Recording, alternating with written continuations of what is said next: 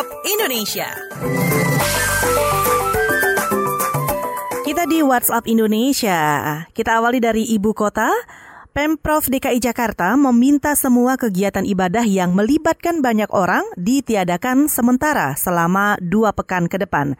Selengkapnya, jurnalis KBR Wahyu Setiawan akan menyampaikannya. Selamat pagi, Pemprov DKI Jakarta meminta semua kegiatan ibadah yang melibatkan orang banyak di ibu kota ditiadakan sementara selama dua pekan ke depan. Gubernur DKI Jakarta Anies Baswedan mengatakan itu dilakukan guna mencegah penyebaran COVID-19 meluas dan melindungi semua orang dari potensi penularan. Anies mengambil langkah itu karena melihat perkembangan kasus positif COVID-19 di Jakarta kian melonjak Kata dia, Jakarta kini menjadi salah satu epicenter dengan penambahan kasus sangat signifikan. Dari 309 kasus per hari Kamis kemarin, 210 di antaranya ditemukan di ibu kota. Anies menambahkan konsekuensi dari keputusan itu yakni sholat Jumat, misa atau kebaktian hari Minggu, dan ibadah lain yang melibatkan orang banyak akan didiadakan selama dua pekan. Nantinya, jajaran Polda Metro Jaya dan Kodam Jaya akan turun langsung untuk mengawasi dan mendisiplinkan. Anies menyampaikan keputusan ini telah disepakati dalam pertemuan dengan para pemuka agama yang ada di Jakarta. Demikian, Wahyu Setiawan melaporkan untuk KPR.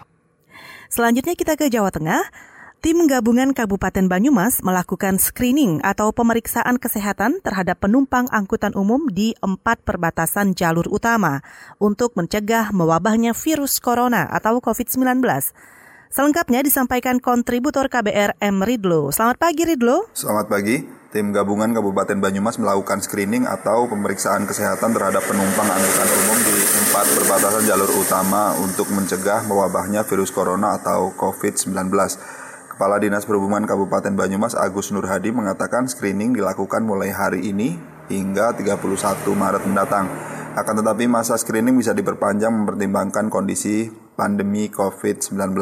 Screening dilakukan dengan memeriksa suhu tubuh penumpang menggunakan thermal scanner baik di angkutan umum termasuk travel.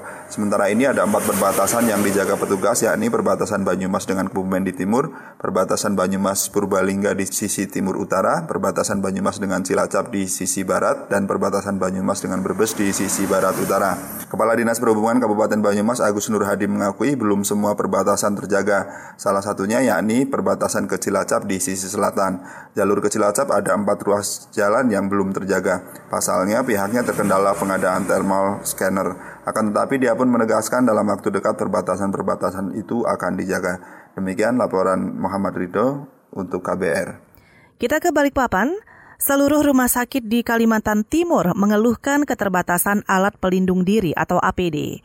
Kabar selengkapnya disampaikan kontributor KBR Teddy Rumengan. Pagi Teddy. Selamat pagi. Seluruh rumah sakit di Kalimantan Timur mengeluhkan keterbatasan alat pelindung diri. Hal itu disampaikan Wali Kota Balikpapan Rizal Effendi. Rizal mengatakan Kalimantan Timur dalam kondisi yang berbahaya karena satu pasien di Rumah Sakit AWS Kota Samarinda positif virus corona. Rizal mengaku telah meminta Provinsi Kalimantan Timur agar mendesak pemerintah pusat menyediakan alat pelindung diri. Sejauh ini pemerintah pusat hanya mengirimkan 30 alat pelindung diri yang dibagikan untuk seluruh rumah sakit yang ada di Kalimantan Timur dan rumah sakit Kanojoso Balikpapan yang saat ini paling banyak merawat pasien dalam pengawasan di Kalimantan Timur hanya mendapatkan 5 alat pelindung diri. Bahkan rumah sakit Kanojoso terpaksa membuat alat pelindung diri sendiri karena mendesak dibutuhkan. Demikian Teddy Rumungan melaporkan untuk KBR.